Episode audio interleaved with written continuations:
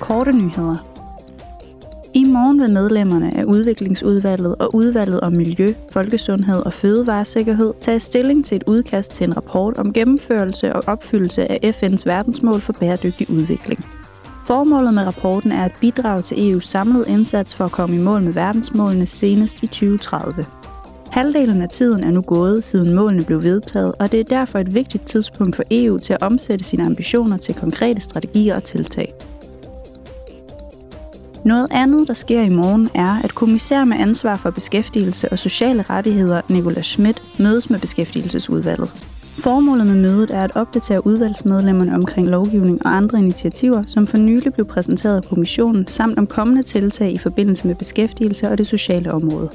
Nøgleprioriteter er det europæiske år for færdigheder, ungdomsarbejdsløshed, socialsikringspas, rammen for den sociale økonomi, børnegaranti og gennemførelsen af EU's strategiske ramme for sundhed og sikkerhed på arbejdspladsen.